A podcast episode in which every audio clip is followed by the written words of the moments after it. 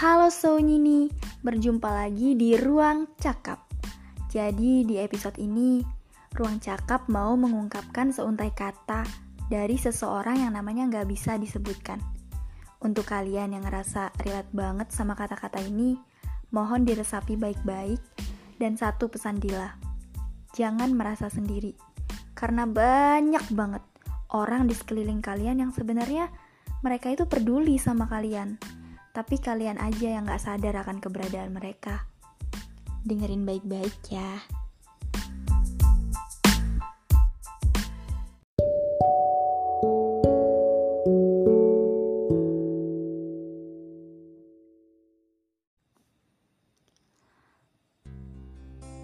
Teruntuk kamu, orang yang sampai saat ini tetap di hati dan senantiasa muncul di ingatan apakah kamu akan selalu ingat dengan aku? Ingat tentang perjalanan kita, dan ingat tentang suka serta susahnya kita. Aku selalu berharap jika angin dapat sampaikan rasa rindu ini, hingga kamu menyadari bahwa aku sangat mencintaimu.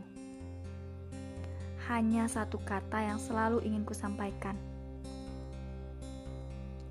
Ya, kata terima kasih. Terima kasih untuk segalanya.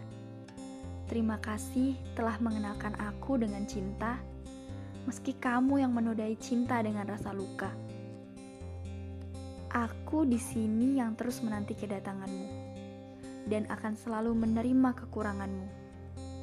Memang kenyataannya aku memiliki banyak kekurangan hingga akhirnya kamu memilih jalan untuk pergi, meninggalkan aku dengan rasa luka dan rasa sayang, hingga aku tidak mengerti apa yang seharusnya aku lakukan. Mungkin aku bertahun-tahun menjadi beban untukmu. Untuk itu, maafkan aku, tapi ingatlah bahwa perasaan ini benar-benar tulus hanya untukmu. Doni dari aku yang selalu mencintaimu dan menantimu.